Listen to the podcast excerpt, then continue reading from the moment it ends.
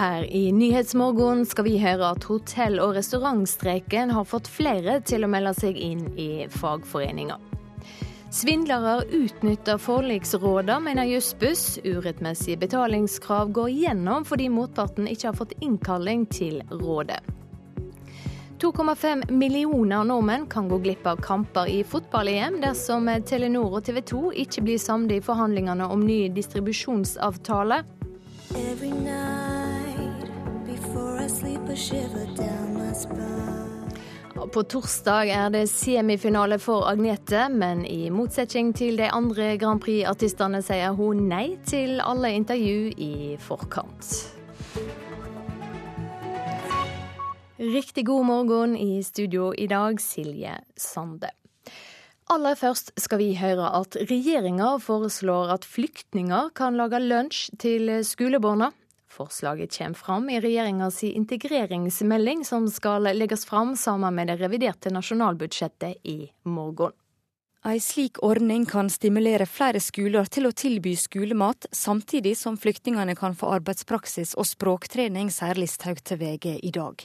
Integreringsministeren foreslår at flyktninger kan lage lunsj til skolebarna. Forslaget er en del av den kommende integreringsmeldinga som skal legges fram i revidert nasjonalbudsjett i morgen. Forslaget innebærer ei tilskottsordning for arbeidspraksis i skolekantiner for flyktninger som har fått opphold i Norge og er med i det toårige introduksjonsprogrammet. Sylvi Listhaug, som sjøl er småbarnsmor, sier til avisa at hun gjerne skulle ha sluppet matpakkesmøringa, og at foreldre og skolebarn er vinnere med et slikt forslag.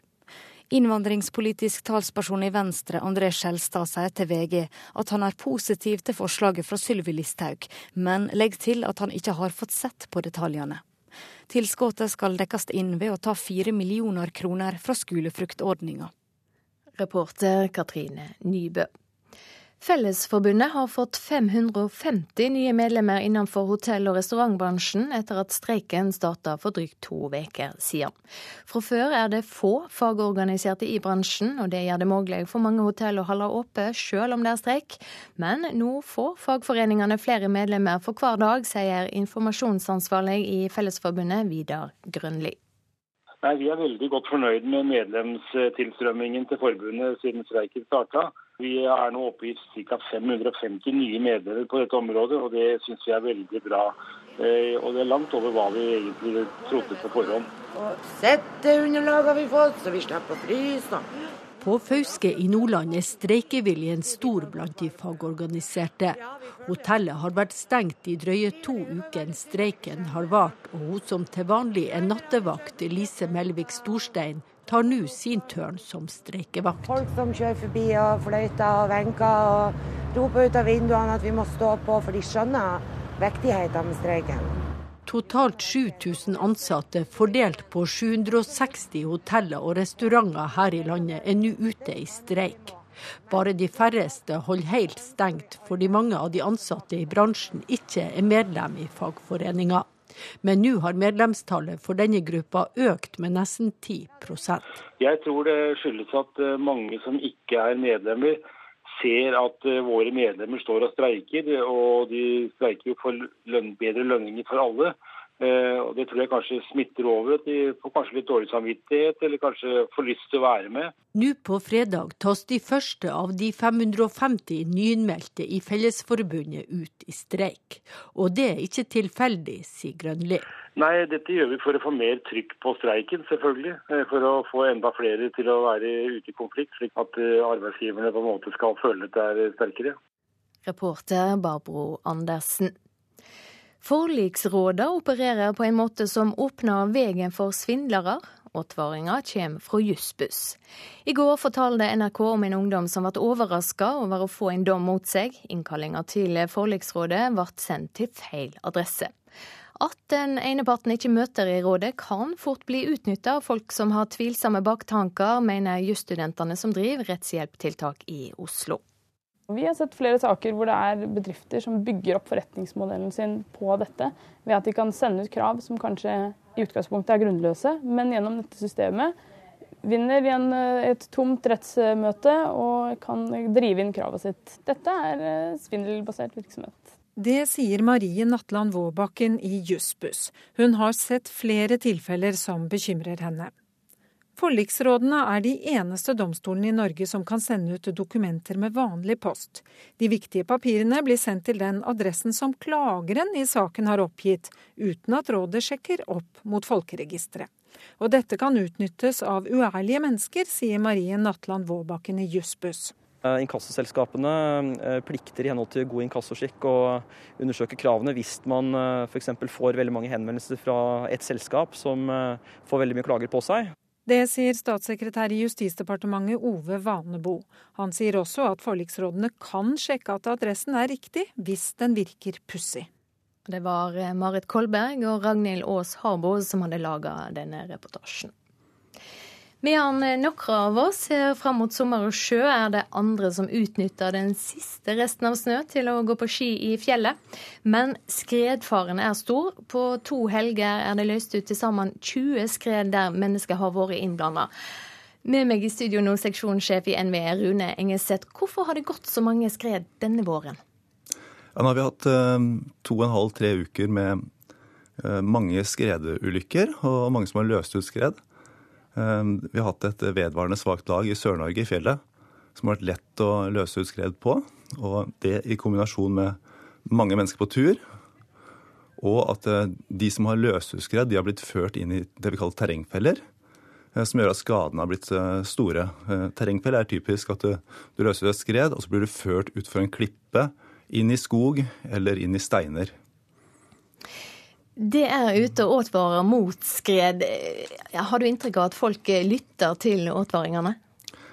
Ja, altså Vi publiserer jo varsler på varsom.no hver dag. Så mitt inntrykk er at folk leser skredvarsel i stor grad. Eh, og tar hensyn til skredfaren. Altså velger tur etter, etter skredsituasjonen eh, og etter gruppen de er på tur sammen med. Så, så mitt inntrykk er at eh, jeg har vært i Jotunheimen nå fire dager. og og der går det, gikk jo veldig mange skiturer i skredtrygt terreng når det var faregrad 3 betydelig, og et vedvarende svake laget, så folk tar hensyn til det i veldig stor grad. Eh, går det an å si noe om hvordan skredfaren blir framover? Ja, nå er jo situasjonen slik at vi har eh, faregrad 2, eh, moderat eh, snøskredfare i største deler av landet. Så har vi én liten i Vesterålen, Ofoten og Senja. Eh, så vi en Vi har hatt en veldig varm periode, og snøen har stabilisert seg i stor grad. Så dette vedvarende svake laget er stort sett borte. Eh, og det er bra nyheter. Nå har vi mer typisk vårsnøforhold. Eh, veldig fine forhold. Det blir kaldere. Det betyr at snøen også blir litt mer stabil. Og det er sånn typisk vær tidlig oppe, gå på tur tidlig om morgenen hvis du skal unngå moderat skredfare. Hva må folk se etter hva skal de passe seg for? Ja, det første er jo å sette seg inn i skredvarselet. Der vil skredproblemet være beskrevet, og, ta hensyn til det hvis du skal være i skredterreng. Um, hvis du ikke forstår skredproblemet, eller du har en faregrad to eller tre, så hold deg unna uh, skredterreng. Ellers vil jeg si at uh, hold deg unna steder hvor du kan bli tatt inn i det er kalt terrengfeller. At du kan bli tatt av skred og ført inn i stein eller, eller skog eller andre sånne uh, ting som kan skade deg.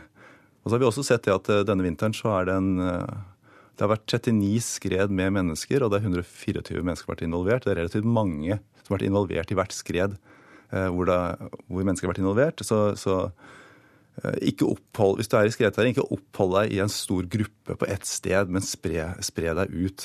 Så skulle man blitt tatt av skred, så er det én person og ikke 15 eller 8 personer som blir tatt samtidig. Men dersom en blir tatt, hva skal en gjøre? Ja, vi har veldig fokus på at man ikke skal bli tatt. Det er det viktigste du gjør. Og, øh, hvis du blir tatt, så, så, er det å kunne kameratredning og ha med deg utstyr øh, for å kunne redde kameraten din. Rune Engeseth fra NVE, takk for at du kom hit til Nyhetsmorgen. Vi skal ta en kikk på dagens avisforsider. Bilen din kan være ei dødsfelle, forteller Dagbladet. Til nå er elleve mennesker drepne pga. feil ved airbagen. Nå blir 130 611 biler på norske veier kalt tilbake for å bytte ut kollisjonsputene. Sjokkerte over OL-rekning er overskrifta i VG. Avisa har funnet fram til tallene politikerne ikke fikk se. Oslo kommune betalte 355 000 for tre hotellrom i tre uker i Sotsji, men de skal ikke ha fått vite at 233 000 av eh, disse pengene gikk til å betale en tolk, en vert og en minibuss med sjåfør. Ring nå og få strafferabatt, sier Økokrim til Aftenposten. Økokrim-sjefen har oppretta ei direktelinje for angrende nordmenn med verdier i skatteparadis. Avisa forteller også om ei rekke internasjonale kriminelle som sto på kundelista til Mossack Fonseca i Panama. Og Dagens Næringsliv har snakka med Defa-milliardær Terje Eidsvik, som sjøl ba om en skattesjekk etter å ha plassert 96,3 millioner dollar i skatteparadis. Det er ingen kokkelimunke i det hele, sier han til avisa. Mista leierstilling etter å ha meldt ifra mishandling, skriver Nordlys. Overlege og daværende sjef Torgeir Engstad melder fra om en sykepleier som sto bak narkotyveri og mishandling av pasienter på geriatrisk avdeling på Universitetssykehuset Nord-Norge. Avisa skriver at han mista lederstillinga si, og at en sykepleier som ville politimelde saka, ikke fikk forlenga vikariat ved sykehuset. Arbeiderpartiet vil redusere forskjellene og lover økt rikingskatt i Klassekampen. Marianne Martinsen sier at hvis eh, Ap vinner makta i 2017, skal det føre til mindre ulikskap. Direktøren vasker do for å unngå stortap, skriver Bergens Tidende. Hotellstreiken fører til store inntektstap for virksomhetene som er tatt ut. Siden streiken starta for to uker siden, har direktør Sølvi Solmunde sjøl arbeidet med å vaske rommene på Klarion hotell Admiral. Karl Ove Knausgård får nå kraftig kritikk for sin omtale av nazismen i Min kamp 6. Det skrev Dagsavisen. Han ufarliggjør Hitler, ifølge kritiker. Knausgård svarer at han forsøker å forstå nazismen. En muslimsk TV-sensasjon skriver Vårt Land om en av hovedpersonene i NRK-serien Skam, Sana. Avisa snakker med en medieviter som sier det er første gang hun har sett en slik rollefigur. Ei muslimsk tenåringsjente som setter religionen framfor alt annet.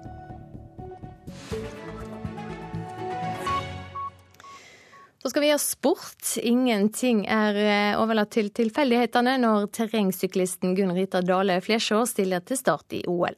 Nå har hun fått en ny sykkel som er i toppklasse, og aldri før har hun hatt bedre utstyr før en mesterskap. Det, jeg har satt foten ned og sagt at nå, nå trenger jeg det beste på, på, markedet for å forberede meg helt optimalt. Så skal jeg gjøre min jobb, og så har jeg fått levert det av Merita at eh, dette er top of the line nå for de type løyper vi kjører, og sånn idretten har blitt. Så jeg eh, føler at de tinga der er helt på plass. Allerede i januar fikk Gunn Rita Dale levert fra sykkelsponsoren Merida det hun kaller den nye maskinen. Terrengsykkelen er spesialtilpasset løypa i Rio og veier mindre enn tidligere sykler. I hele vinter har hun dermed kunnet trene med den og forberede seg optimalt. Landslagssjef Eddie Knutsen Storsæter sier man må ha det beste utstyret skal man vinne OL-gull. Det er klart, eh, Hvis vi ser på konkurrentene, så har de også eh, Vi må ikke være dårligere enn de. Og redskapen med sykkel, den, eh, det er en viktig faktor. Men én ting har det nye vidunderet ikke. Vi har ikke sett noen motor inni den. Det har vi ikke. Det er ikke lovt. Reporter Anne Rognerud. Klokka er 6.46. Vi har akkurat fått inn melding om at det brenner i et planlagt asylmottak i Hol kommune i Hallingdal. Mottaket skal være totalskadd, det skriver VG nå. Hotell- og restaurantstreiken har fått flere til å organisere seg. Fellesforbundet har fått 550 nye medlemmer. Og Straks skal vi høre at flere kommuner skaffer seg hardbruksbosteder for å skaffe tak over hodet til folk som driver hærverk, forsøpler og krangler med naboene. I dag er første semifinale i Eurovision Song Contest, og på torsdag skal norske Agnete Johnsen på scenen. Artisten gjør ingen intervju eller annen markedsføring fordi hun trenger ro og hvile. Every night before I sleep a shiver down my spine. Agnete har det fint. Hun er i en periode hvor hun trenger eh, ro og hvile. Eh, denne lidelsen er jo litt sånn at det går litt opp og ned. Men hun har det bra. Vi tøyser og ler, og det er, eh, det er, det er en hyggelig stemning. Det sier Stig Karlsen. leder i den norske Melodi Grand Prix-delegasjonen.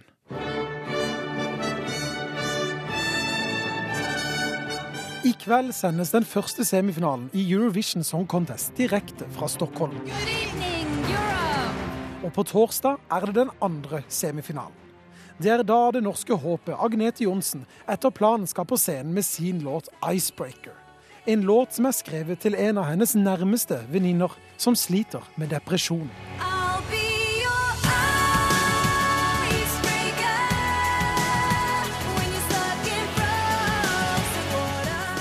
Men Agnete sliter også med psykiske helseplager. Hun har fortalt til VG at hun utredes for bipolar lidelse, og har valgt å takke nei til alle intervjuer og andre aktiviteter i forkant av semifinalen. Det svenske Aftonbladet sin Eurovision-ekspert Torbjørn Eek har overvært de to første sceneprøvene til Agnete i Stockholm. Han sier at han ikke har merket noe til hennes psykiske tilstand, men at han likevel er bekymret over helsen hennes så kan man jo være orolig for hennes helse, og om det virkelig er sunt og bra for henne å stelle seg på scenen inför miljontals tittare. Eurovision-reglementet sier at det kan være mulig å endre artisten som synger låta ved behov, med spesialgodkjenning fra arrangørene. Men Stig Karlsen sier at dette aldri har vært en aktuell problemstilling. Nei, det har aldri vært noen andre eh, alternativer oppe. Er dere sikre på at hun takler det å stå foran 100 millioner seere når hun ikke klarer å gjøre et intervju? Jeg er ikke i minste tvil om at Agnete kommer til å gå opp der og levere eh, 100 så, så den biten er hun veldig rolig på, rett og slett. Torbjørn Eek tror Agnetes utradisjonelle oppkjøring mot semifinalen ikke vil påvirke resultatet. Han tror faktisk hun går videre til finalen. For når det gjelder så er det jo bare de tre minutter man står på scenen og synger, som tittarna kommer se. Og det er tittarna som skal røste. Reporter Christian Ingebretsen. Det er nå to potensielle konflikter som kan føre til svarte TV-skjermer og et dramatisk redusert radio-, TV- og nettilbud allerede fra slutten av denne veka. Ifølge kampanje kan 2,5 millioner nordmenn miste EM-kamper dersom Telenor og TV 2 ikke blir samlet i det som blir skildret som tøffe forhandlinger. Og torsdag kan nyheter og direktesendinger fra NRK forsvinne. Det er nemlig fare for streik. Tidenes VM må jo ha en strålende finale, så her er det bare Mange ser fram til Europamesterskapet i fotball og folkefesten som følger med, som her under siste VM. Sommerens EM-fest i stua er nå trua av to konflikter. Hvis Telenor og TV 2 ikke blir enige om en ny distribusjonsavtale, så kan Telenor-eide Kanal Digital bli nekta å vise TV 2-kanaler i juni. I så fall mister rundt 2,5 millioner nordmenn EM-kamper. Og blir det langvarig streik i NRK, vil fotballkampene sannsynligvis bli sendt uten kommentarer. Det er ifølge Kampanje nå tøffe forhandlinger mellom TV 2 og Telenor om en ny distribusjonsavtale. TV 2 vil ikke kommentere utover at de forhandler med mål om å bli enig før dagens avtale utløp 1.6. Kanal Digitals kommunikasjonsdirektør Kenneth Kjøndal Pettersen er også ordknapp. Jeg kan bekrefte at det er samtale mellom partene, eh, og at begge parter ønsker å komme frem til en avtale eh, så raskt som mulig. Og hva med fotball-EM? Vi har som mål å komme frem til en avtale før den tid. Utover det så har jeg ingen kommentarer. Og natt til torsdag denne uka så går meglingsfristen mellom NRK-ansatte og ledelsen ut. Blir de ikke enige, så kan mer enn 2000 NRK-ansatte gå ut i streik. Det vil få store konsekvenser for publikum, både på TV, radio og nett. Radiosjef Marius Lillelien håper det ikke blir streik. At det vil få store konsekvenser, det er nok eh, helt sikkert. Så at det vil være et vesentlig redusert programtilbud eh, som eh, knapt nok har noe vanlig programinnhold i det hele tatt, det, det tror jeg vil er ganske sikkert. TV-sjef Arne Helsingen har heller ikke planlagt for streik, derfor vet han ikke nøyaktig hvordan det blir, men direktesendinger og nyhetsproduksjon blir hardt ramma. Det blir ganske store endringer. Eh, særlig på alt det som er direktesendt, vil jo bli rammet på en eller annen måte. Blir det Derek da istedenfor Dagsrevyen og Dagsnytt 18? Nei, det tror jeg ikke. Men eh, Akkurat hva det blir for noe, det får vi nå se på hvis, et, hvis streiken blir et faktum. Den store Eurovision-finalen vil sannsynligvis ikke bli fornorska eller få norske kommentarer. Ser ut som prins Sverre Magnus har tatt en liten pause fra slottsbalkongen? Her hører vi fra fjorårets 17. mai-feiring foran Slottet. En storsatsing som blir TV-sjef Helsingens neste store hodepine hvis det blir NRK-streik. 17. mai-sendingen er jo en veldig stor satsing for oss, hvor vi er rundt i hele landet. og Vi bringer på en måte alle inntrykk fra 17. mai-feiringer hjem i stua til folk. Som jeg, uten at jeg vet helt hvordan vi skal gjøre det, så spøker du litt for den. Reportere Linda Reinholdsen og Petter Sommer. Flere kommuner skaffer seg nå såkalte hardbruksbosteder, dvs. Si forsterka bosteder for folk som av ulike årsaker ikke kan bo i et vanlig husvære. Mange ganger er dette siste utvei for å skaffe folk tak over hodet.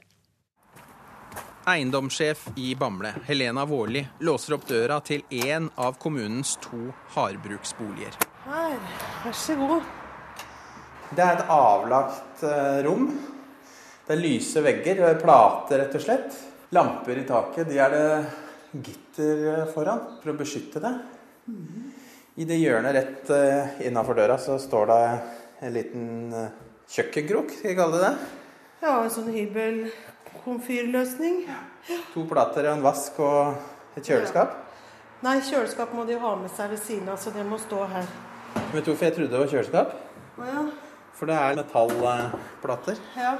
Det er eh, alt er i metall. Et bad med toalett og vask i børsta stål. Jeg tror kanskje du må trykke på en knapp, så kommer det vann. Det er en dusjkrok med dusjhode montert i taket. Det er jo en del mennesker som ikke har så veldig god boevne, som får sånne tilbud som det her er her. Men Hvis du snakker om dårlig boevne, hva snakker vi om da? Nei, Det kan være alt ifra at de ikke klarer å betale husleia si i tida, at de får store restanser. Eh, det kan være at de ikke klarer å innordne seg omgivelsene. At det er eh, uro i nabolaget, det er forsøpling, det er eh, bråk. Det er særlig nattebråk og sånne ting. Det kan være at de ødelegger leilighetene. At de må, stadig må flytte fordi leiligheten må repareres. Det kan være ulike årsaker til at folk har dårlig boevne. Bamble kommune hadde disse to boligene på plass i september 2015. Foreløpig er det lite brukt, men det er behov for et slikt botilbud. Vi har personer som har nesten en million i gjeld til kommunen i forhold til ødelagte leiligheter. I nabokommunen Kragerø har man fire slike boliger. Avdelingsleder på servicesenteret i Kragerø, Stein Ove Sandnes, sier at det ikke er boliger man kan bo i over lang tid. Men han mener likevel tilbudet er vellykka, i den forstand at det ikke er bostedsløse i Kragerø per i dag. Hardbruksboliger, forsterka boliger, robuste boliger. Det er mange navn på det samme lavterskeltilbudet. Vi har i dag eh, seks slike boliger. Horten kommune har hatt sine forsterka boliger i halvannet år, forteller Marianne Ødegård, som er enhetsleder for enhet rus og psykisk helse i Horten kommune. Fordelen det er at, eh, at vi da får muligheten til å ha, har hatt muligheten til å kunne ha et, mer, et, bedre og mer differensiert boligtilbud for eh, våre brukere. Og at det også har skapt altså mer ro og trygghet for den enkelte, at de da også har hatt et sted å bo. Og at vi også har hatt muligheten til å kunne jobbe eh, systematisk med de bl.a. i forhold til boevne. Og vi har også opplevd at eh, personer da har bodd i de forsterka boligene en periode, og så eh, har blitt da fått tilbud om andre typer boliger i kommunen. En annen Vestfold-kommune, Tønsberg, har bestilt tolv robuste boliger, som kommunen håper vil være på plass i løpet av høsten. Eiendomssjefen i Bamble kommune, Helena Vårli, sier at det er mange kommuner som har de samme utfordringene med å gi et godt nok botilbud? Eh, vi har våre som eh, er utfordrende å bosette. Og andre kommuner har nok sine. Og det merker vi jo når vi er på nettverksmøter i regi av Husbanken, at de fleste kommunene har utfordringer med de samme tingene. Det sa Helena Vårli til reporter Ken Willy Wilhelmsen. Vi skal ha et værvarsel, og vi starter på Spitsbergen. Der er det venta rolige vindtilhøve og stort sett opphold. I Nord-Norge vil det kjølige været holde fram med bris omkring nordvest. Sør for Bodø periodevis frisk bris. Det vil bli bygevær, særlig nord for Bodø. Låg snøgrense i Troms og Finnmark ned mot 400 500 meter. I Trøndelag og Møre og Romsdal vil et område med regn bevege seg sørover første del av dagen, men det blir lettere igjen i ettermiddag. Nordøstlig liten kuling langs kysten av Møre og Romsdal. Sør-Norge sør for Stad og Dovre har fremdeles fint og varmt vær de fleste steder, men eh, det blir noe mer skyer i de nordlige områdene. I Sogn og Fjordane kan det komme litt regn. Det kan òg bli lokale ettermiddagsbyger i indre strøk. Så har vi temperaturene målt klokka fem. Svalbard lufthavn minus én, Kirkenes to. Vardø, Alta og Tromsø-Langnes hadde alle fire. Bodø og Brønnøysund fem. Trondheim-Værnes, Molde og Bergen-Flesland ti grader. Stavanger tolv, Kristiansand-Kjevik 7, Gardermoen 9, Lillehammer 7, Røros 0 og Oslo-Blindern hadde 9 grader for to timer siden.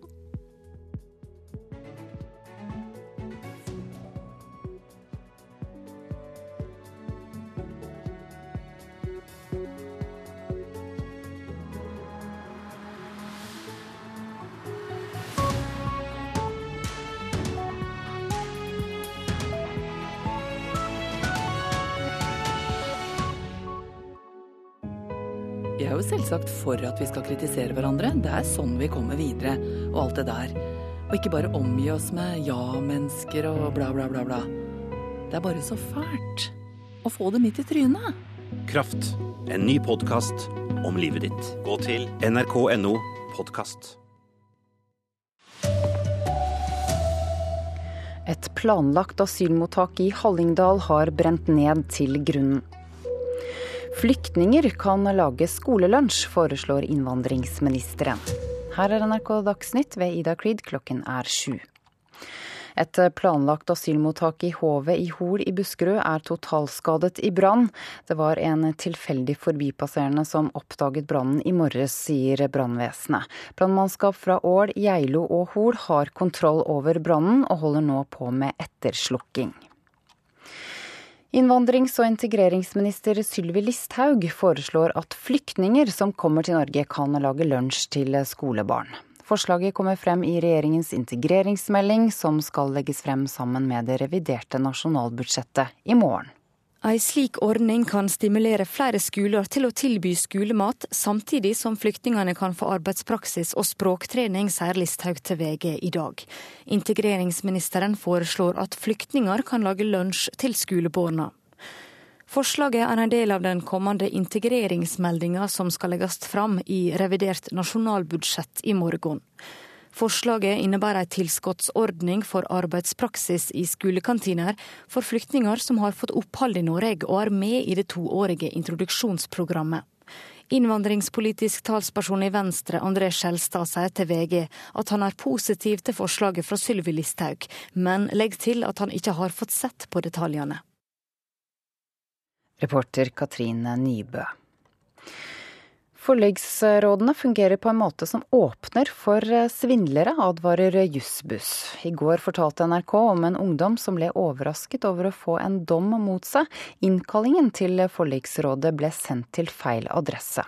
Ordningen kan utnyttes av uærlige folk, sier Marie Natland Våbakken i Jussbuss. Vi har sett flere saker hvor det er bedrifter som bygger opp forretningsmodellen sin på dette, ved at de kan sende ut krav som kanskje i utgangspunktet er grunnløse, men gjennom dette systemet vinner i en, et tomt rettsmøte og kan drive inn kravet sitt. Dette er svindelbasert virksomhet.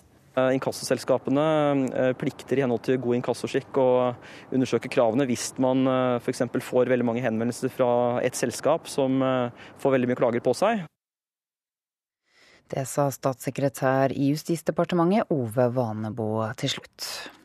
Partene ble i natt enige om en ny avtale for renholdsnæringen. Fire timer på overtid.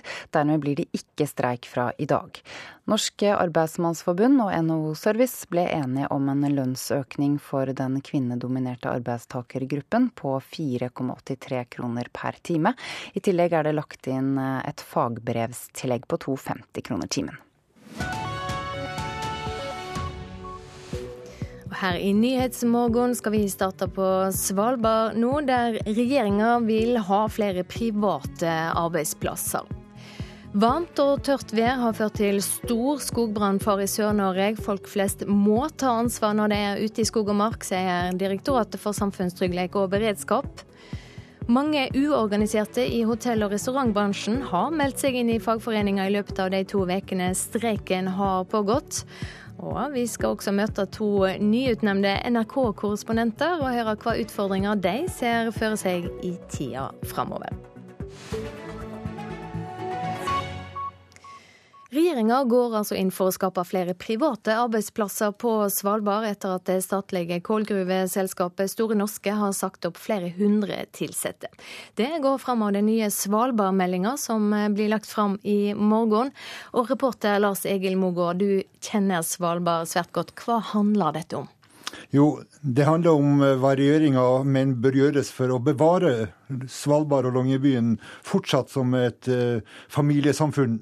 Det har jo vært en dramatisk omstilling som har pågått uh, de siste par årene, med at Store Norske har måttet ha sagt opp flere hundre ansatte. Så nå er det jo da snakk om hva man kan gjøre for å uh, skape alternative arbeidsplasser til kull. Og i Svalbardmeldinga som legges fram i morgen, så drar regjeringa opp en del forslag for hva de kan gjøre om å skape alternative arbeidsplasser. Mye er gjort, eh, sier eh, statssekretær eh, Gjermund Hagesæter i Justisdepartementet. Vi har jo fått Innovasjon Norge etablert i Longyearbyen, som er viktig i forhold til å få private arbeidsplasser. Vi har jo ønsker jo fortsatt et stabilt og lavt skattenivå der oppe. Og vi vil også vurdere dette i forhold til noen få statlige arbeidsplasser å etablere i, i Longyearbyen.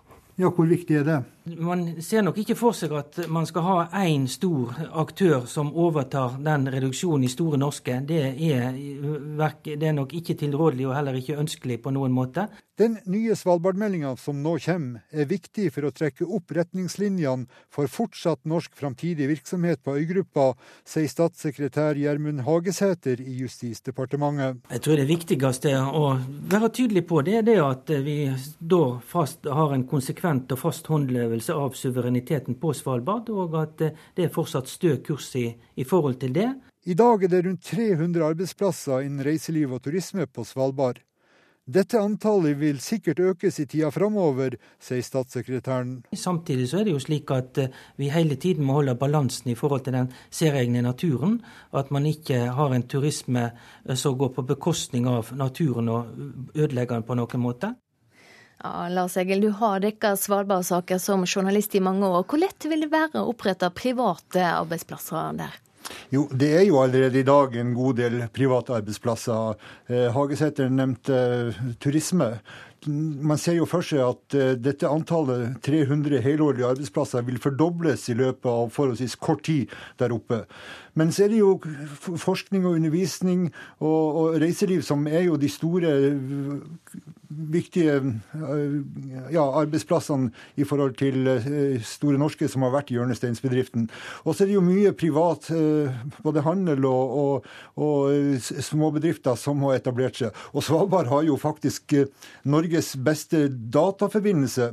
Det er noen kjempegode datakabler som, og, med stor kapasitet som er lagt fra Svalbard til fastlandet. Så, og satellittvirksomhet, nedlesning av data fra satellitter i verdensrommet er også en stor virksomhet på Svalbard. Så det er et mangfoldig samfunn som er blitt etablert der i, i løpet av forholdsvis mange år, da. Mens Store Norske nå er på vei nedover. Eh, dette statlige kullselskapet fyller jo 100 år i slutten av november i år. og eh, Da vil det være kanskje rundt 100 ansatte mot eh, 500-600 bare for en ja, 10-12 år siden. Hvorfor er det viktig for regjeringa å få til flere arbeidsplasser? Handler dette om utenrikspolitikk? Ja, det gjør det jo også. fordi eh, Svalbard er jo norsk, og vi har jo norsk eh, overherredømme over denne øygruppa der. Så det er jo viktig at det bor folk, og ikke minst det her at det skal være et eh, familiesamfunn har vært viktig for å skape aktivitet for både unger og for voksne. Så det, det, er jo ikke sagt hvor mange nordmenn som bør bo i, i, på, på, Svalbard, men man regner jo med at rundt 2000 er nødvendig for å få et stabilt familiesamfunn. Så det blir jo spennende å se om det at man klarer det når Store Norske, som har vært hjørnesteinsbedriften, må trappe ned. Hvordan er tilhøvet til russerne nå, som jo også har bosetting på øygruppa?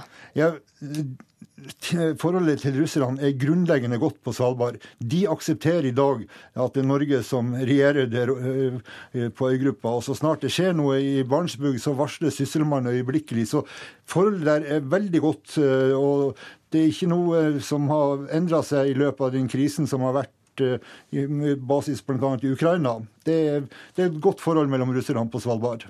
Takk skal du ha, reporter Lars Egil Mogård. Vi skal høre at Fellesforbundet har fått 550 nye medlemmer innenfor hotell- og restaurantbransjen etter at streiken starta for drygt to uker siden. Fra før er det få fagorganiserte i bransjen, og det gjør det mulig for mange hotell å holde oppe selv om det er streik. Men nå strømmer ansatte til fagforeningene, sier informasjonsansvarlig i Fellesforbundet, Vidar Grønli. Nei, Vi er veldig godt fornøyd med medlemstilstrømmingen til forbundet siden streiken starta. Vi er nå oppe i ca. 550 nye medlemmer på dette området, og det syns vi er veldig bra. Eh, og det er langt over hva vi egentlig trodde på forhånd. Og Setteunderlag har vi fått, så vi slipper å fryse. På Fauske i Nordland er streikeviljen stor blant de fagorganiserte.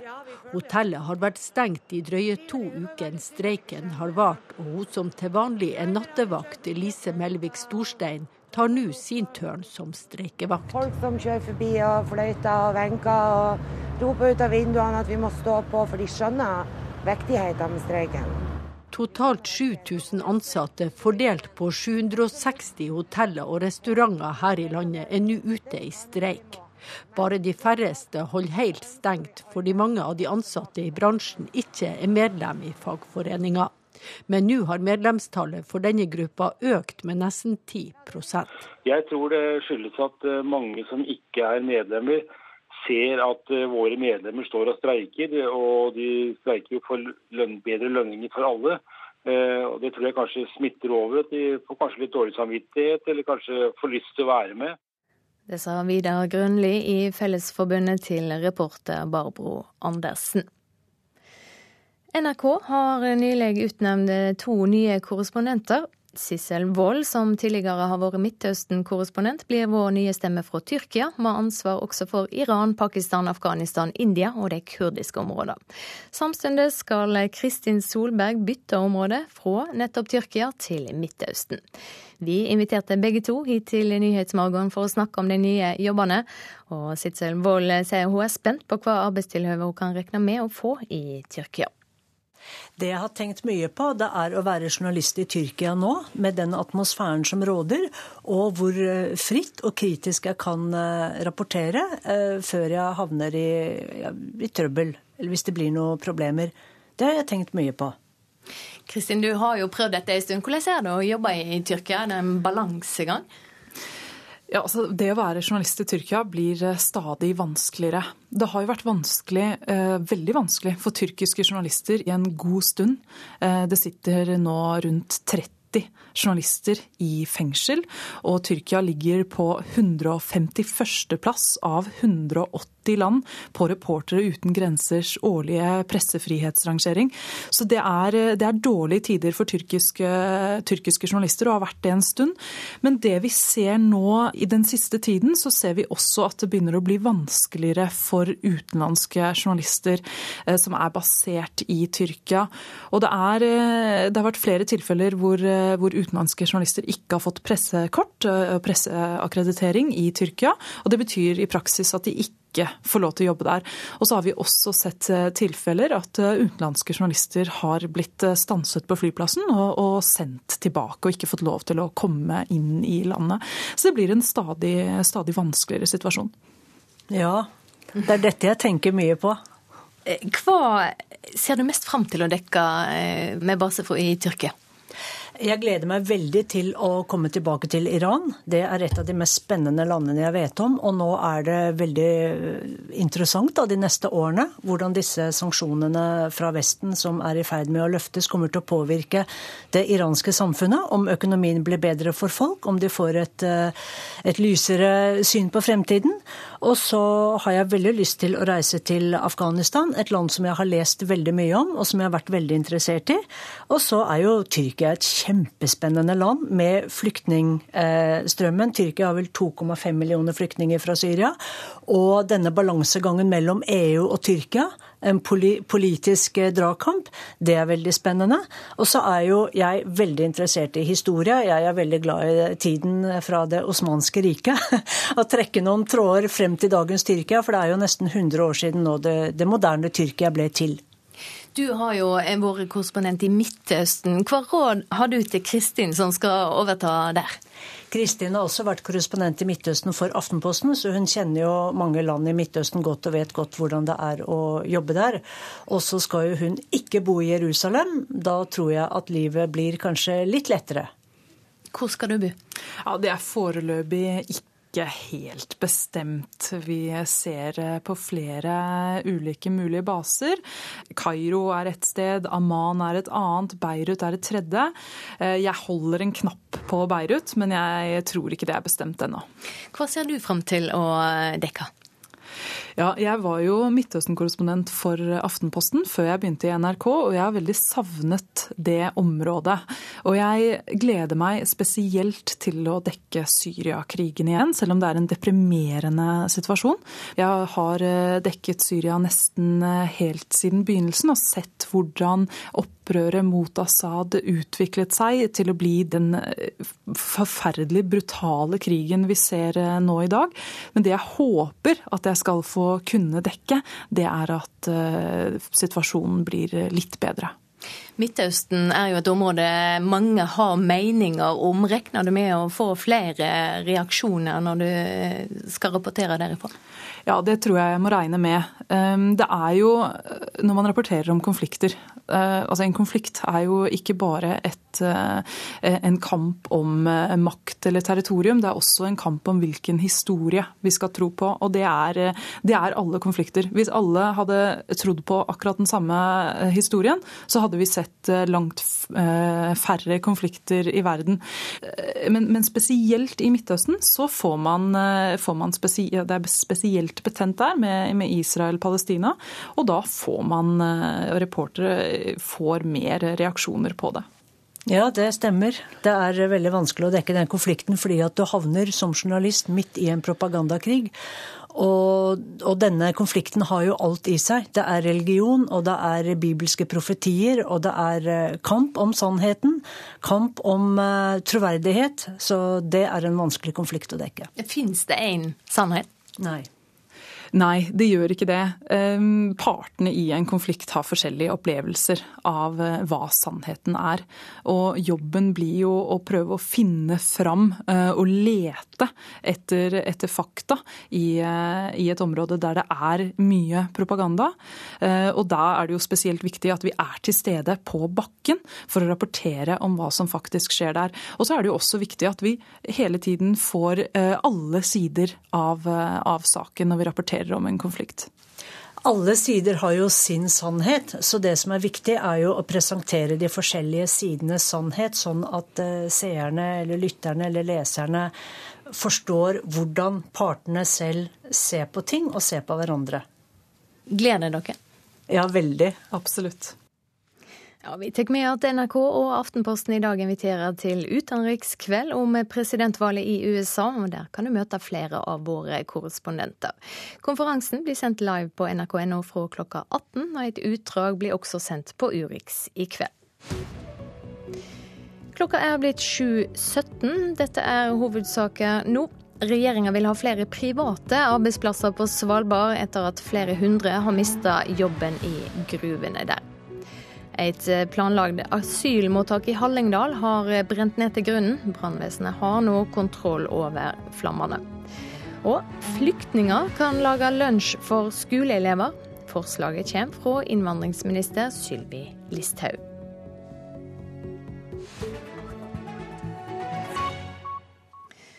Det er økende skogbrannfare i Sør-Norge fram eh, til og med onsdag. Det viser skogbrannindeksen fra Meteorologisk institutt.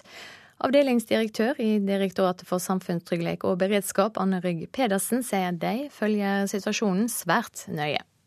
Vi har en god dialog med Statens helikoptertjeneste, skogbrannhelikoptertjenesten, eh, og Lederstøtta, eh, som er et tillegg til den lokale beredskapen. Med tørt og fint vær i Sør-Norge de siste dagene, er faren for skog- og lyngbrann økende. I flere fylker på Østlandet og Vestlandet varsles det nå om stor eller svært stor skogbrannfare. Anne Ryg Pedersen i DSB oppfordrer folk til å være ekstra oppmerksomme. Det er veldig viktig at folk nå sjøl tar ansvar når man ferdes i skog og utmark. Når det er så tørt som nå, så skal det nesten ingenting til uh, før det tar fyr. Og da er det viktig at man er klar over at det er et bålforbud i perioden mellom 15. april og 15. september. Også lokalt er brannvesenet svært årvåkne, og rykker ut med det de har når de får meldinger om branntilløp. Det forteller brannsjef i Glåmdal brannvesen i Hedmark, Per Ivar Bekk. Generelt i hele Hedmark da, så mobiliserer vi det vi kan da vi får gress- og skogbrannmeldinger som truer bebyggelse, i hvert fall. Så vi løfter beredskapen og kjører med mye materiell på sånne hendelser om dagen. Vi gjør det. Med flere branntilløp de siste dagene i Hedmark og Oppland vil ikke brannsjefen ta noen sjanser. Flere av tilløpene har hatt potensial til å bli storbranner, forteller han. Potensialet ligger der vel i alle gress- og små skogbranner ute av kontroll, så lenge det er ute av kontroll. Men det er der jeg ser at befolkningen er flinke til å varsle tidlig, så vi kommer tidlig på plass. og Der har vi en fordel her i sør, at det er korte avstander og veien er til alle steder når vi kommer fram. Heldigvis er det sjelden skogbranner kommer ut av kontroll i Norge, sier Pedersen i DSB. Vi har sett også større branner ute av kontroll i Norge, og vi skal jo ikke lenger ned til Sverige for et par somre siden for å, for å se det. Eh, men vi mener at vi skal være godt forberedt. Og så er det viktig at folk eh, blir med nå, tar ansvar. Meld fra hvis man ser eh, et tilløp til en brann. Da er det veldig viktig å ringe 110 med en eneste gang. Reporter Kristine Næss Larsen. Så skal vi til den enorme skogbrannen i Canada. Brannen har gjort mindre skade i oljebyen Fort McMurray enn først frykta. Brannmannskapet har klart å redde kring 90% av bygningene, men to boligområder er helt raserte.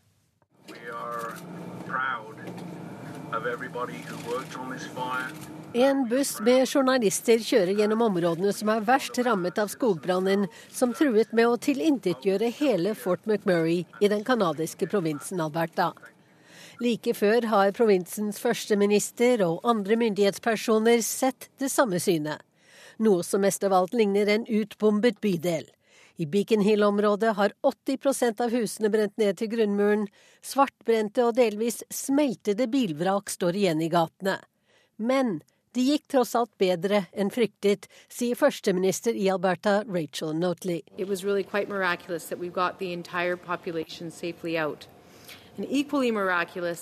det er et under at hele befolkningen ble evakuert i trygghet. Og det er et like stort under at brannfolkene handlet så raskt at de klarte å redde nesten 90% av Fort McMurray. Skogbrannen som har spredt seg over et område på 204 000 hektar vest i Canada, har nå flyttet seg vekk fra Fort McMurray. Men førsteministeren sier at det er for tidlig for de 88 000 som ble evakuert, å komme hjem igjen. There are smoldering hotspots everywhere. Det ulmer fortsatt mange steder. Brannfolkene og de som skal reparere infrastrukturen som er ødelagt, må jobbe i flere uker for å gjøre denne byen trygg. Men det kommer til å skje. Og dere vil kunne komme hjem igjen, sier Rachel Notley. But it is going to be made safe. It is a home you will return to. Reporter Wenche Eriksen. Så dagens avisforside. Bilen din kan være ei dødsfelle, skriver Dagbladet. Til nå er elleve mennesker drepne pga. feil ved airbagen. Nå blir 130 611 biler på norske veier tilbakekalla for å bytte ut kollisjonsputene. Sjokkerte over OL-rekning er overskrifta i VG. Avisa har funnet fram til tallene politikerne ikke fikk se. Oslo kommune betalte 355 000 for tre hotellrom i tre uker i Sotsji, men de skal ikke ha fått vite av 233 000 av disse pengene gikk til å betale en tolk, en vert og en minibuss med sjåfør. Ring nå og få strafferabatt, sier Økokrim til Aftenposten. Økokrimsjefen har oppretta ei direktelinje for angrende nordmenn med verdier i skatteparadis. Avisa forteller også om en rekke internasjonale kriminelle som sto på kundelista til Mossack Fonseca i Panama. Og Dagens Næringsliv har snakka med Defa-milliardær Terje Eidsvig, som sjøl ba om en skattesjekk etter å ha plassert 96,3 millioner dollar i skatteparadis.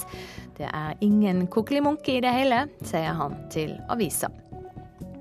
Mista lederstilling etter å ha meldt ifra om mishandling, skriver Nordlys. Overlege Torgeir Engstad melder fra om en sykepleier som sto bak narkotjuveri og mishandling av pasienter på geriatrisk avdeling på Universitetssykehuset Nord-Norge. Avisa skriver at han mista lederstillinga si, og at en sykepleier som ville politimelde saka, ikke fikk forlenga vikariatet ved sykehuset. Arbeiderpartiet vil redusere forskjellene og lover økt rikingskatt i Klassekampen. Marianne Martinsen sier at hvis Ap vinner makta i 2017, skal det føre til mindre ulikskap. Direktøren vasker do for å unngå stortap, skriver Bergens Tidende. Hotellstreiken fører til store inntektstap for virksomhetene som er tatt ut. Siden streiken starta for to uker siden, har direktør Sølvi Solmunde sjøl arbeidet med å vaske rommene på Klarion hotell Admiral. Karl Ove Knausgård får nå kraftig kritikk for sin omtale av nazismen i Min kamp 6. Det skriver Dagsavisen. Han ufarliggjør Hitler, ifølge kritiker. Knausgård svarer at han forsøker å forstå nazismen. En muslimsk TV-sensasjon skriver Vårt Land om en av hovedpersonene i NRK-serien Skam, Sana. Avisa snakka med en medieviter som sier det er første gang hun har sett en slik rollefigur. Ei muslimsk tenåringsjente som setter religionen framfor alt annet.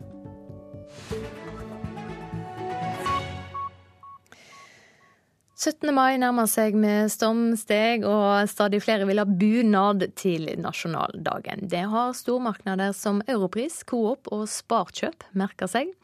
Der heter det festdrakt. Det står Made in China på merkelappene, og salet går bedre enn noen gang. Tror du den passer den, eller? Ja. Den blir litt stor, den. Ja, men det må regne med det har den neste. Det kan gå med en til jul. Malin Johansen og bonusmormor Anni Rasmussen har funnet det de leter etter. Årets 17. mai-antrekk til treåringen blir en festdrakt fra Sparkjøp i Mjøndalen. Det er minstemann. Skal få seg bunad. Storesøster har allerede en, og jeg skal gå med en. Og da er det jo morsomt at han har bunad òg. Malin har ingen betenkeligheter med å kjøpe en tilsynelatende norsk festdrakt som er masseprodusert i utlandet. Nei, det, for unger så vokser de seg jo så fort ut av det, så da blir det festdrakt. Bunad får de heller få når de er ferdig med å vokse. Skreddersøm får du ikke, og de fleste ser forskjellen. Men festdraktene har blitt mer forseggjorte, utvalget bredere, og som de gode salgstallene vitner om, norske nok for mange. Det det går mest av, det er, det er bunadsskjortene. Men festdrakter generelt, alt. Vi får jo ikke hengt ut nok, nesten. Det sier en travel og fornøyd assisterende butikksjef ved Sparkjøp Mjøndalen, Anne Mai Larsen. Hittil i år har Sparkjøp solgt festdrakter for over 1,6 millioner kroner. Salget ligger an til å toppe fjorårets, og ennå er det en uke igjen til 17. mai. Ja, Til gutter så har vi jo tre forskjellige. Det er det vi har nå. Det er den som er sort-hvit. Og til 499. Også den blå. Og så er det noen som det er litt ekstra pynt Også hos Coop øker salget av festdrakter for barn hvert år. Men kommunikasjonssjef Harald Kristiansen ønsker ikke å oppgi salgstall av konkurransemessige hensyn. Det er festdrakter til barn det også går mest av hos Sparkjøp. Men også festdrakt for dame er populært. Den sto jeg og så på mens jeg venta på deg. Og tenkte oi, tenkte jeg hadde bare kommet inn i en sånn bunad nå. Nå er jeg så gammel. Anne Mai Larsen forklarer de gode sakstallene slik. For det første så er de blitt mye mye finere enn det de var før. Også fordi at originale bunader er veldig, veldig dyrt, og folk tenker spare, spare, spare. Og bruker penger på andre ting. Men ikke alle gleder seg over at nasjonaldagen blir feiret i festdrakter designet av Europris, Coop eller Sparkjøp. Nei, jeg synes nå det at en bunad er en bunad, og en bunad skal være ekte. I hvert fall for voksne folk. Inger Margrethe Medhus i Hol har jobbet med hallingbunader siden tenårene. Nå er hun redd for at bunaden skal bli utvannet. Leif Kåre Ødegaard, som driver en av de største bunadsdistribusjonene i Norge, ønsker ikke å sammenligne festdrakter med bunader. Men det er kostbart å ta vare på kulturarven. En hallingbunad for dame kan fort koste rundt 30 000 kroner. 1599 koster en festdrakt for dame hos Sparkjøp. Det rekker akkurat til sokker og sokkebånd til en ekte hallingbunad. Men Medhus mener at en festdrakt ikke er bedre enn ingen festdrakt. Da synes jeg man heller skal sette av en bunadskonto og vente, til, vente med å kjøpe bunad til en har råd til å kjøpe bunaden. Og folk flest i Mjøndalen som NRK har snakket med, er enig. Det blir ingen fest i festdrakt. Nei, jeg tror hvis jeg går for bunad, så skal det være skikkelig norskprodusert enne. Nei, det hadde ikke vært noe for meg. Nei. Hvorfor ikke? Nei, for jeg er tilhenger av å ha det som er der som jeg er ifra. Vil ha den bunaden som passer for plassen jeg kommer ifra. Mm, jeg har sett sømmen. Jeg har en venninne som syr bunader, og det er stor forskjell på sømmen i hvert fall. Men jeg syns de andre bunadene er veldig greit når du har barn som vokser fort. Jeg har en del barnebarn. Hun som ligger i vogna? Ja, hun har bunad. Den henger klar. Men det er sånn uh, som du kan vokse i og overlate til neste. Det er ikke håndbrodert, da. Reporter Merete Glovigen. Etter Dagsnytt om drygt ti minutter skal vi til Venezuela, der to millioner mennesker har skrevet under et krav om nyvalg. Produsent for Nyhetsmorgen Ingvild Ryssdal, i studio Silje Sande.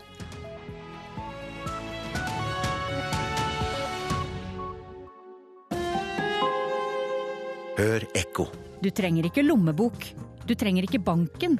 Du kan bo hvor som helst i verden og kjøpe hva du vil med bitcoin, digitale penger. 2016 kan bli året dette tar av. En økonomi uten styring, landegrenser og kontroll. Er det farlig for oss? Eller blir det kanskje mer rettferdig? Ekko 9 11 i NRK P2.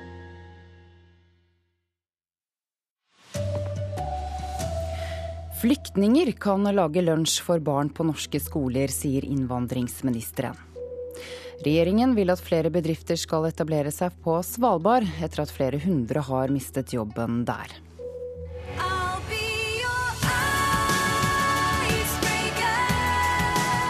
Norges eh, Grand Prix-håp utredes for en psykisk lidelse, men folkene rundt henne tror hun går til finalen. God morgen, her er NRK Dagsnytt ved Ida Creed, klokken er 7.30. Innvandrings- og integreringsminister Sylvi Listhaug foreslår at flyktninger som kommer til Norge kan lage lunsj til skolebarn. Forslaget står i regjeringens integreringsmelding, som skal legges frem sammen med det reviderte nasjonalbudsjettet i morgen. Ei slik ordning kan stimulere flere skoler til å tilby skolemat, samtidig som flyktningene kan få arbeidspraksis og språktrening, sier Listhaug til VG i dag. Integreringsministeren foreslår at flyktninger kan lage lunsj til skolebarna. Forslaget er en del av den kommende integreringsmeldinga som skal legges fram i revidert nasjonalbudsjett i morgen.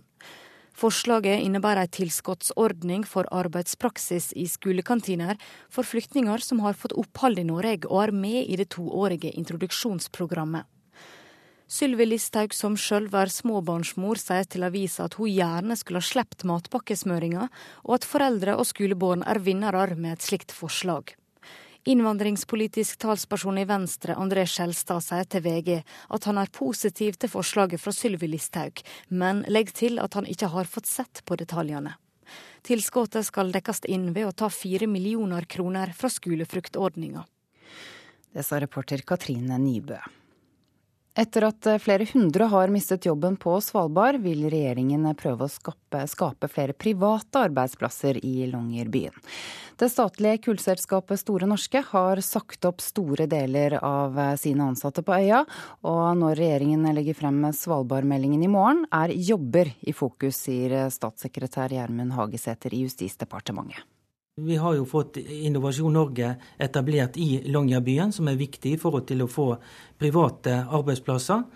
Eh, vi har jo ønsker jo fortsatt et stabilt og lavt skattenivå der oppe.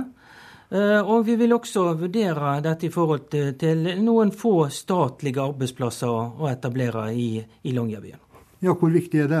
Man ser nok ikke for seg at man skal ha én stor aktør som overtar den reduksjonen i Store Norske. Det er, det er nok ikke tilrådelig og heller ikke ønskelig på noen måte. Den nye Svalbardmeldinga som nå kommer, er viktig for å trekke opp retningslinjene for fortsatt norsk framtidig virksomhet på øygruppa, sier statssekretær Gjermund Hagesæter i Justisdepartementet. Jeg tror det viktigste å være tydelig på, det er det at vi da fast har en konsekvent og fast håndlevelse av suvereniteten på Svalbard, og at det er fortsatt stø kurs i, i forhold til det.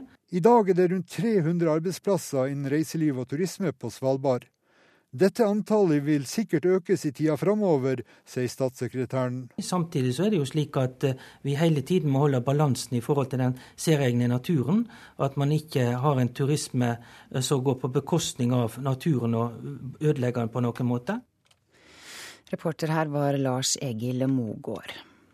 På Filippinene har hovedmotstanderen til presidentkandidat eh, Rodrigo Duterte nettopp erkjent nederlaget. Tidligere innenriksminister Mar Roxas sier det nå er klart at den omstridte ordføreren blir Filippinenes neste president.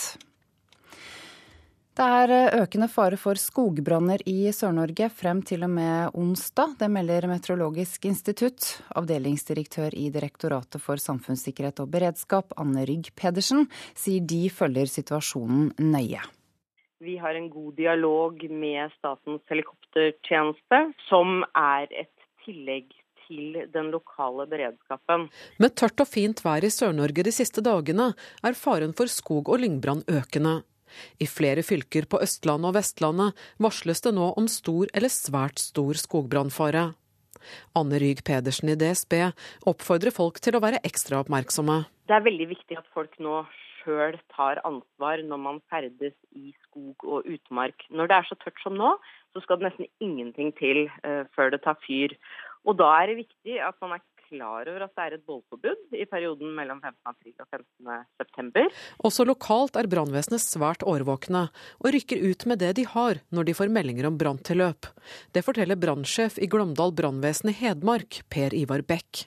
Generelt i hele Hedmark da, så mobiliserer vi det vi kan da vi får gress- og skogbrannmeldinger som truer bebyggelse, i hvert fall. Så vi løfter beredskapen og kjører med mye materiell på sånne hendelser om dagen. Vi gjør det. Med flere branntilløp de siste dagene i Hedmark og Oppland vil ikke brannsjefen ta noen sjanser. Heldigvis er det sjelden skogbranner kommer ut av kontroll i Norge, sier Pedersen i DSB. Vi mener at vi skal være godt forberedt, og så er det viktig at folk blir med nå. Meld fra hvis man ser eh, et tilløp til en brann. Da er det veldig viktig å ringe 110 med en eneste gang. Reporter Kristine Næss Larsen. Og så til eh, skogbrannen i Canada. Den har gjort mindre skade i oljebyen eh, Fort McMurray enn først fryktet. Men eh, tross brannmannskapenes innsats er to boligstrøk helt rasert. We are proud of everybody who worked on this fire. En buss med journalister kjører gjennom områdene som er verst rammet av skogbrannen, som truet med å tilintetgjøre hele Fort McMurray i den canadiske provinsen Alberta. Like før har provinsens førsteminister og andre myndighetspersoner sett det samme synet. Noe som mest av alt ligner en utbombet bydel. I Beacon Hill-området har 80% av husene brent ned til grunnmuren. Svartbrente og delvis smeltede bilvrak står igjen i gatene. Men det gikk tross alt bedre enn fryktet, sier førsteminister i Alberta, Rachel Notley. Really det er et under at hele befolkningen ble evakuert i trygghet. Og det er et like stort under at brannfolkene handlet så raskt at de klarte å redde nesten 90% av Fort McMurray. Men førsteministeren sier at det er for tidlig for de 88 000 som ble evakuert, å komme hjem igjen. There are smoldering hotspots everywhere. Reporter Wenche Eriksen. Forliksrådene fungerer på en måte som åpner for svindel, advarer Jussbuss. I går eh, fortalte NRK om en ungdom som ble overrasket over å få en dom mot seg. Innkallingen til forliksrådet ble nemlig sendt til feil adresse. Ordningen kan utnyttes av uærlige folk, sier Marie Natland Våbakken i Jussbuss. Vi har sett flere saker hvor det er bedrifter som bygger opp forretningsmodellen sin på dette, ved at de kan sende ut krav som kanskje i utgangspunktet er grunnløse, men gjennom dette systemet vinner i en, et tomt rettsmøte og kan drive inn kravet sitt. Dette er eh, svindelbasert virksomhet. Eh, inkassoselskapene eh, plikter i henhold til god inkassoskikk å undersøke kravene hvis man f.eks. får veldig mange henvendelser fra et selskap som får veldig mye klager på seg. Ja, Det sa statssekretær i Justisdepartementet Ove Vanebo. Og Bård Stig Bratsberg i Virke Inkasso forsikrer at de passer på at inkassokravene kommer frem. Dersom vi ser at det er en oppdragsgiver der hvor det ofte skjer at adressen er feil, tar vi kontakt og bryter eventuelt kontrakten, sier han. I dag er det første semifinale i Eurovision Song Contest. Og på torsdag skal norske Agnete Johnsen på scenen. Artisten gir fortsatt ikke intervjuer pga. den psykiske helsen. Agnete har det fint. Hun er i en periode hvor hun trenger eh, ro og hvile. Eh, denne lidelsen er jo litt sånn at det går litt opp og ned. Sier Stig Karlsen, leder i den norske Melodi Grand Prix-delegasjonen. I kveld sendes den første semifinalen i Eurovision Song Contest direkte fra Stockholm. Og på torsdag er det den andre semifinalen. Det er da det norske håpet Agnete Johnsen etter planen skal på scenen med sin låt 'Icebreaker'. Morten Thomassen er president i den norske Grand Prix-klubben. Han tror faktisk at Agnetes problemer og grunnene til at hun ikke har stilt opp på noe i forkant, kan skape en positiv effekt for henne. Jeg tror at mange av kommentatorene vil kanskje nevne at hun ikke har vært så mye til stede for pressen fordi at har de tingene hun sliter med. Så det kan kanskje bli være en positiv faktor for henne. Så det, det skal vi se på. Det blir spennende å se. Er dere sikre på at hun takler det å stå foran 100 millioner seere når hun ikke klarer å gjøre et intervju? Jeg er ikke i minste tvil om at Agnete kommer til å gå opp der og levere eh, 100 ja, det sa Stig Karlsen til reporter Christian Ingebretsen. Og den første semifinalen kan du se på NRK1 klokken 21 i kveld. Det er Arne Fossland som er ansvarlig for Dagsnytt denne morgenen.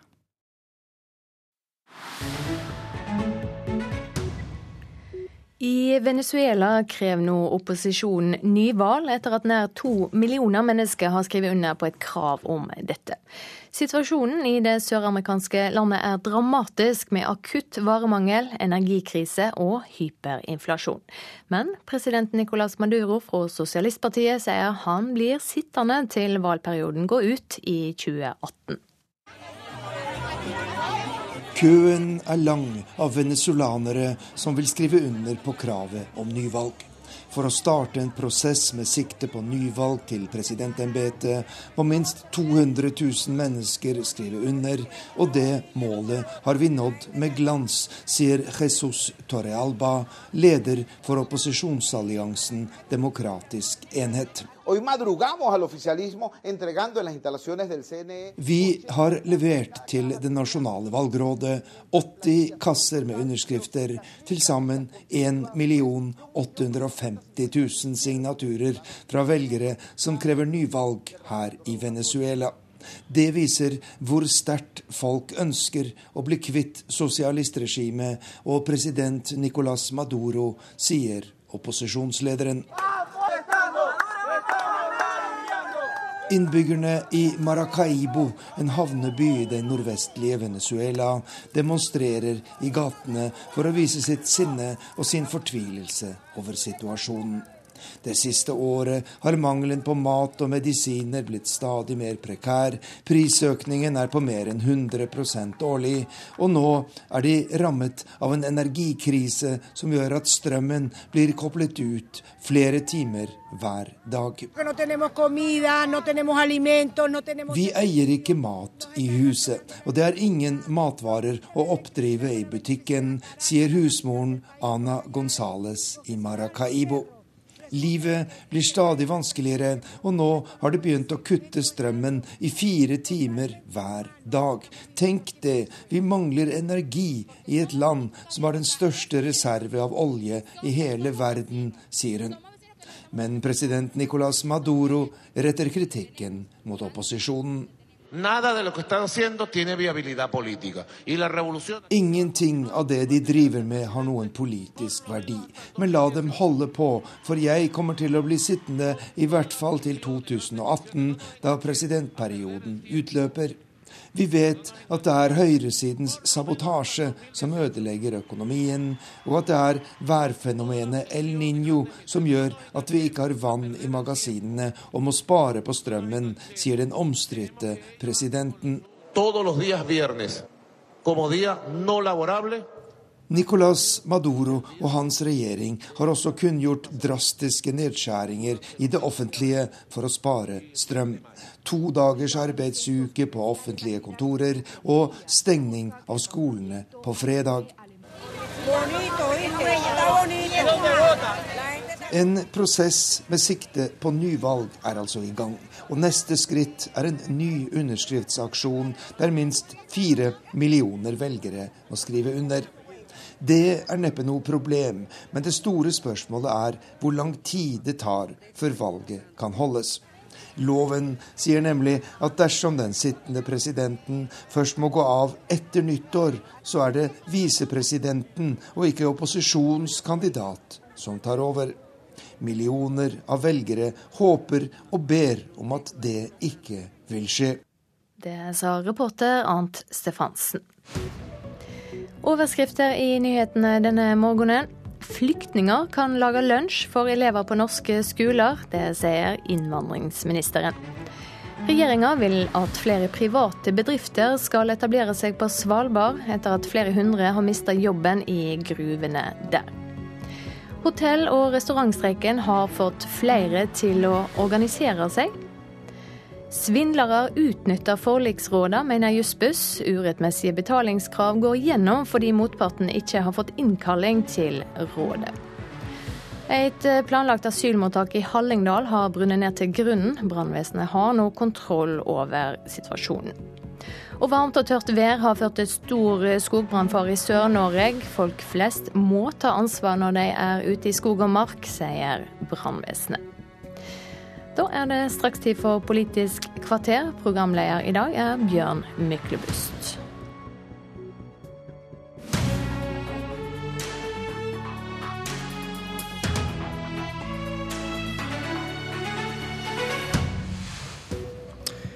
Begge mine gjester er for en krig mot den islamske staten. Men Senterpartiet vil egentlig ikke at Norge skal sende flere soldater nå. Hvem skal gjøre det da? Høyre vil sende soldater, men vil kanskje ikke at de skal gjøre drittjobbene. Stygt ord, men det er ikke mitt. Det er Åslaug Haga sitt, selv om det er noen år gammelt. Trygve Slagsvold Vedum i Senterpartiet, velkommen til Politisk kvarter. Takk for det. Vi kan ikke overlate drittjobbene til USA og Storbritannia, og bare ta de snille humanitære oppdragene selv. Sitat slutt. Det sa din, en av dine forgjengere, en tidligere Senterpartilederen, en gang. Føler du deg litt truffet? Nei, det ble jo sagt i forbindelse med Afghanistan-debatten, eh, om Norge skulle delta der eller ikke. Noe Senterpartiet støtta at vi skulle, skulle gjøre. Og så er det viktig at vi eh, ser hvilken situasjon vi står overfor i, i Syria. Eh, for det er en utrolig kompleks situasjon, med både globale og regionale stormakter som er inne. Og det som vi ga sa på til regjeringa i forrige uke, da, var at vi mener at det er ikke klokt at Norge skal blande seg inn der og trene opp styrker som vi ikke vet hvem støtter i morgen. For vi vet at alliansene skifter så fort. Så de vi trener i dag, kan være våre fiender i morgen. Og så sa vi at vi i Norge har en større fortrinn når det gjelder å kunne bidra humanitært og diplomatisk. Eh, at det er der vi bør bidra. Og så har vi hørt på det forsvarssjefen sa i fjor, eh, der han sa at vi burde trappe ned antall utenlandsoppdrag for det norske forsvaret, fordi at det norske forsvaret er såpass pressa som det er. Så Det var de tre elementene som gjorde at vi ga det rådet vi ga.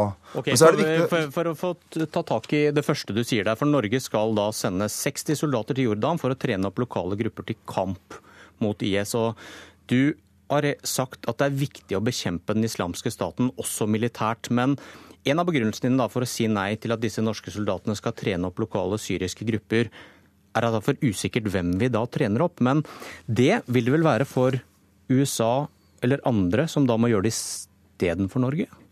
Altså, Norge er ingen uh, militær stormakt. Vi har heller ingen stormaktsinteresser i, i Syria eller nærområdene. Men hold deg til det argumentet ja, derfor, du bruker. Ja, og Derfor så mener jeg at vi har ikke eh, Det er ikke der vi har våre fortrinn. Men det er, ikke argument, det er ikke argumentet du bruker, Slagsvold Vedum. Du sier at det er for usikkert. De kan snu seg mot oss. Og det problemet forsvinner jo ikke selv om Norge ikke tar jobben. Vil du at USA skal gjøre den jobben, eller vil du at ingen skal gjøre den jobben? Vi har sagt hele tiden at vi, vi har ikke tatt avstand fra at USA eller andre har, har bidratt der, men vi har vet at Norge ikke har de kapasitetene. Men da, kan, da, da, men, men, da må du bruke det argumentet, og ikke at det er for usikkert hvem vi trener opp. Da må du si at vi ikke har kapasitet, men det ja. gjør du ikke. Men vi har en helt annen, vi har en helt annen oversikt, en helt annen hær, en helt annen militær kapasitet enn det f.eks. USA eh, har, og det må vi bare være erkjennende med de fem millionene vi har. Og så har vi vært også veldig tydelige på hele veien at vi kommer til å støtte våre styrker 100% de som blir sendt ned, de kvinnene og mennene som blir sendt ned. For de gjør et oppdrag på vegne av oss. For i Norge så er det sånn at til sjuende og sist er det regjeringa som har privilegiet og ansvaret eh, for å ta beslutningen. Vi i Stortinget gir bare råd. Men når styrkene er sendt, så skal vi slutte fullt og helt opp om dem. Og det er en del av den norske tradisjonen at vi har en debatt i Stortinget, vi gir råd. Men, da... men det er regjeringen som til sjuende og sist eh, tar beslutningen. Men da har du forkastet det argumentet dere har nevnt først i denne debatten, nemlig at det er usikkert hvem vi trener opp. For det du sier er at det er greit så lenge ikke Norge gjør det. Jeg har ikke forkasta det argumentet. Jeg mener at Norge vi har ikke den militære etterretningen. Vi er ikke så sterkt til stede på bakken i Syria som f.eks. USA har vært over tid. Og USA har også gjort veldig veldig mange feil. Eh, Men våre spesialsoldater bidrar da i Afghanistan til akkurat det samme, og er eh, vel ansett i så måte når det gjelder hvor flinke de er. Ja, norske spesialstyrker. Jeg sitter jo nå i deres egen hjemby, altså Elverum, fra Østerdal garnison, og, og, de er utrolig dyktige folk. Men vi må hele tiden vurdere hvordan, hvor er det Norge kan bidra på en best mulig måte. Og Norge er ingen militær stormakt, men vi kan bidra veldig kraftfullt humanitært, veldig kraftfullt diplomatisk.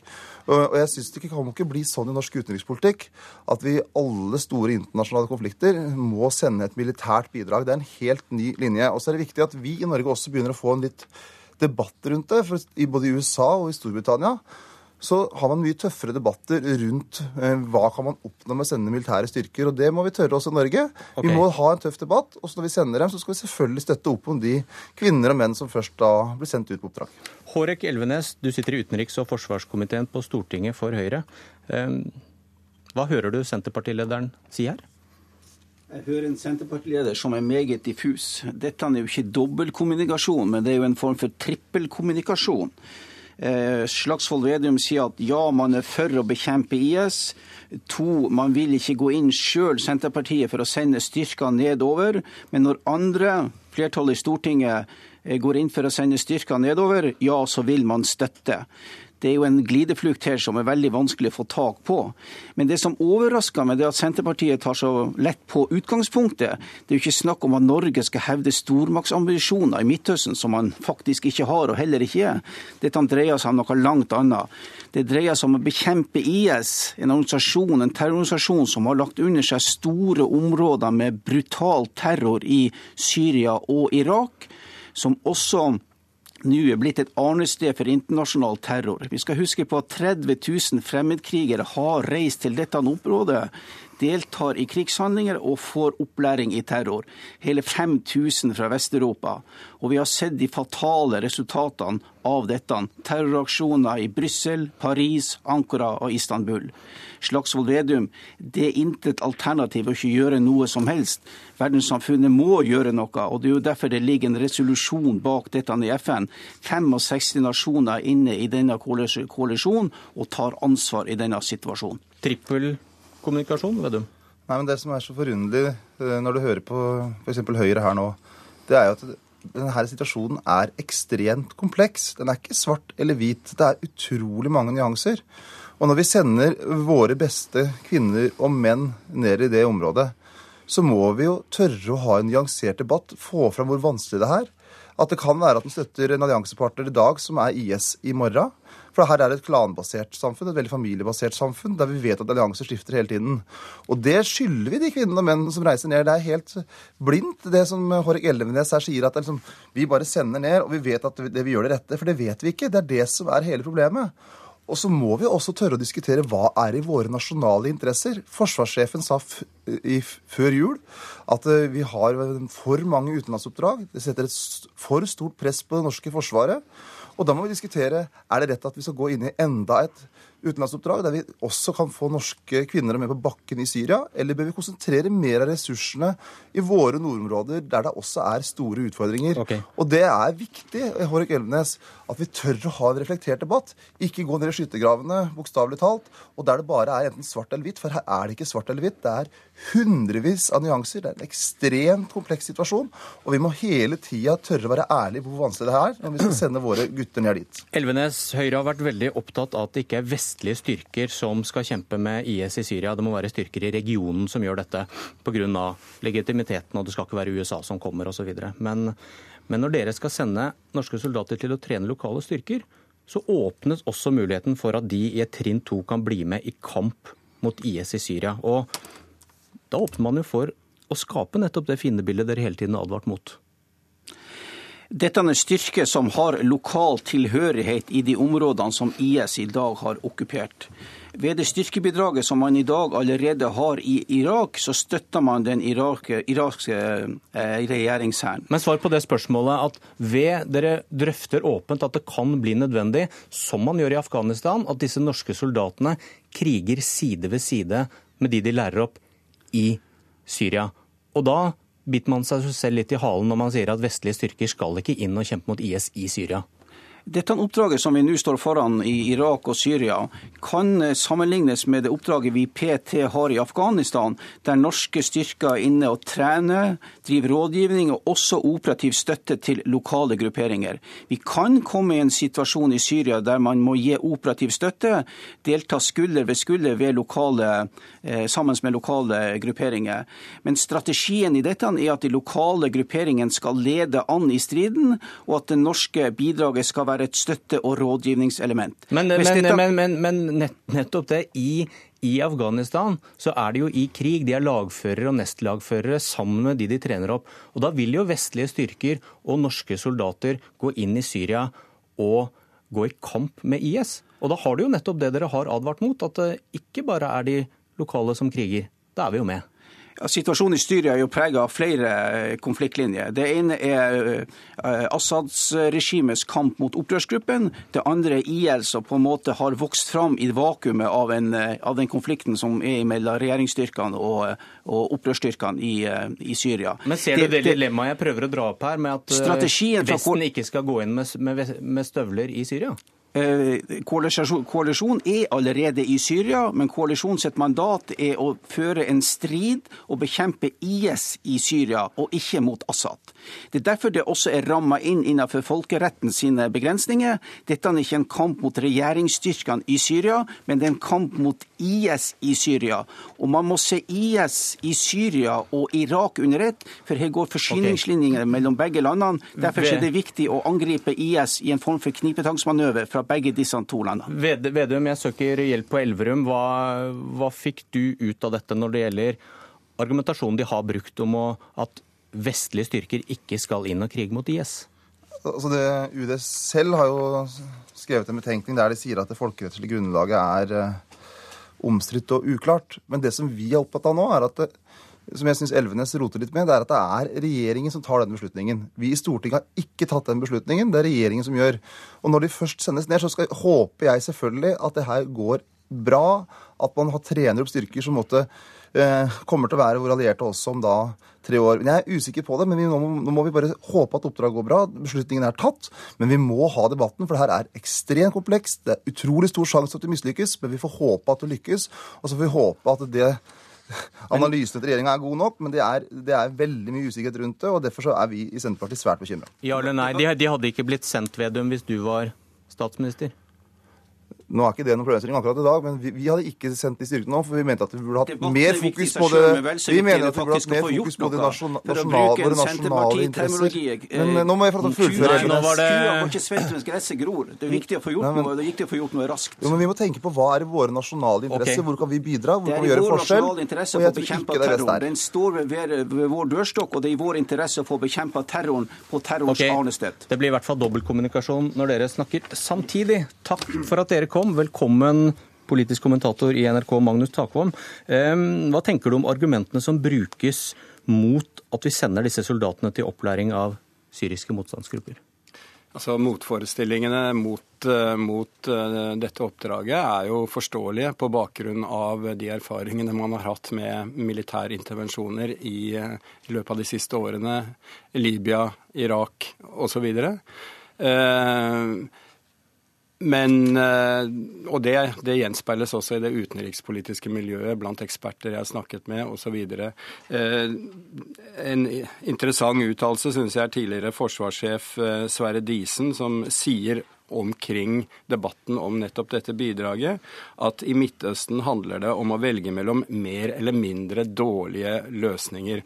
Og han sier at vi må venne oss til tanken om at vi kanskje er med på å eh, trene opp styrker som i neste omgang kan vende seg mot oss. Det er jo en eh, annen og noe mer, skal vi si, eh, nyansert tilnærming enn det eh, som kommuniseres fra det norske forsvaret i øyeblikket. Vi må rett og slett stole på at de vurderingene de har gjort, og de, de, forsikringene de kommer med, eh, om at de gruppene vi skal samarbeide med, er eh, til å stole på. Oppfører partiene seg som de pleier i striden om Norges bidrag i krigen mot IS? Det som er uh, gjenkjennelig, er jo at de to uh, større partiene, Arbeiderpartiet og Høyre, står skulder ved skulder og argumenterer likt og støtter dette oppdraget. Det som har vært en ja, interessant dreining i det norske utenrikspolitiske landskapet, er at de gamle skillelinjene som gjaldt tidligere, liksom med en høyreside, en venstreside, Nato-motstand osv., er forsvunnet. Og at man har en dimensjon, en konfliktlinje, som går mer på skal vi si, en isolasjonisme og en vilje til å bidra internasjonalt. Den kjenner vi igjen både i SVs eh, motstand mot eh, internasjonale eh, engasjementet, men også i det som eh, Senterpartiet argumenterer med her. De har hele tiden Eh, vært tydelige på at de prioriterer det nasjonale forsvaret. og Det er det, mye av det underliggende i deres kritikk av dette engasjementet også. Takk for analysen, Magnus Takvam. Jeg heter Bjørn Myklebust, og det var Et politisk kvarter.